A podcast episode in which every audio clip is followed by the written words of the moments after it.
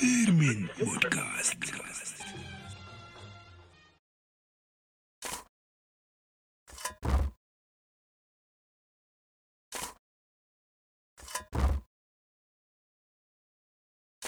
لقيت حاجة؟ باقي. أنا تعبت تعال كمل عني. أنا أبغى أروح أريح شوي.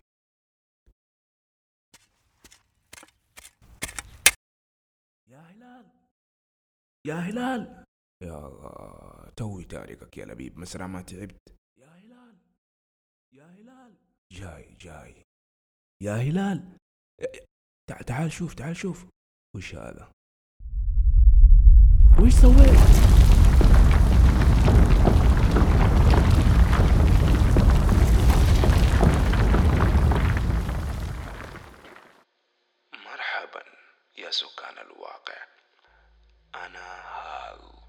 هذا الصوت مسجل ولا بالفعل صادر من هذا الشيء؟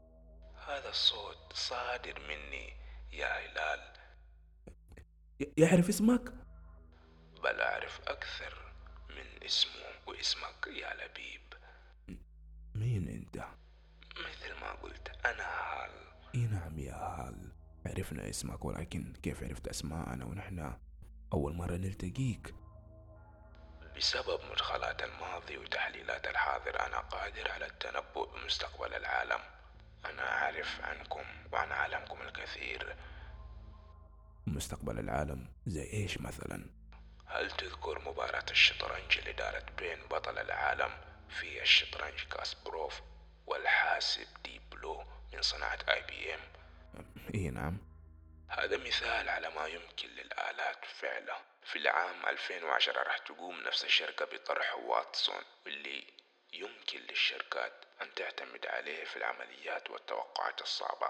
أوكي طيب طيب بالنسبة للأشخاص في الفترة ما بين 2010 2020 راح تظهر أنظمة ذكية قادرة على مساعدة الأشخاص في أمور معينة. تخيل معي جهاز بحجم الكف بإمكانك تطلب منه أن يجري اتصال أو يفتح موسيقى عن طريق الكلام فقط. تقفل وتفتح الأبواب تتحكم بالماء والكهرباء. بمعنى آخر راح يكون هناك ما يسمى بالمنازل الذكية.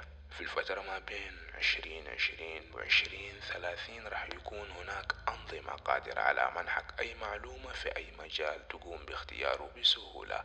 راح يكون القيام بأغلب مهام أقسام مجال إدارة الأعمال عمل سهل وعلى بعد بضع نقرات أقسام مثل التسويق والمبيعات المحاسبة وغيرها.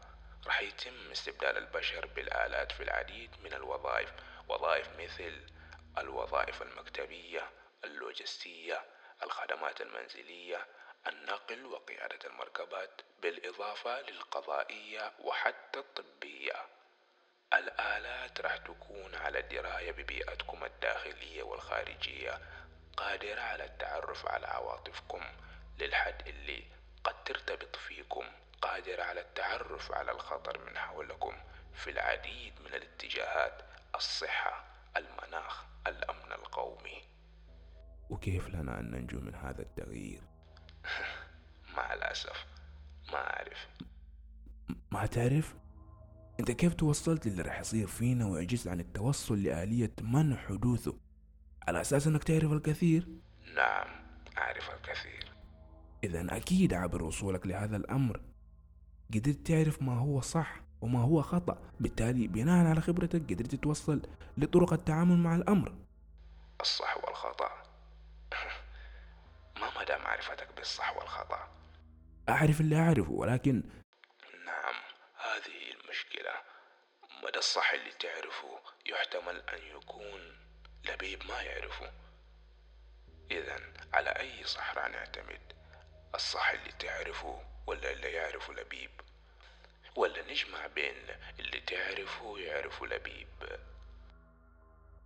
في احتمال إننا نصنع نظام يقوم بعمل الصح.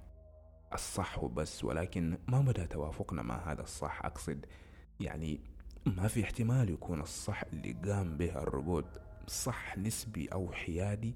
ما في احتمال إن الروبوت يقوم بالصح من وجهة نظر المؤسسة وجهة نظر المهندس وعلى الرغم من أنه قد يفتقر للخبرة اللازمة ما في احتمال أنه يقوم بعمل الصح من وجهة نظره هو كروبوت.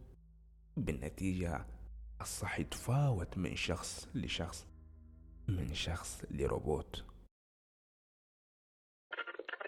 مستمرين في بناء الأساس المتين على أمل إننا نقدم للمرء مسار صحيح. استمعوا لحلقاتنا على أبل بودكاست جوجل بودكاست وعلى قناة ليرمين بودكاست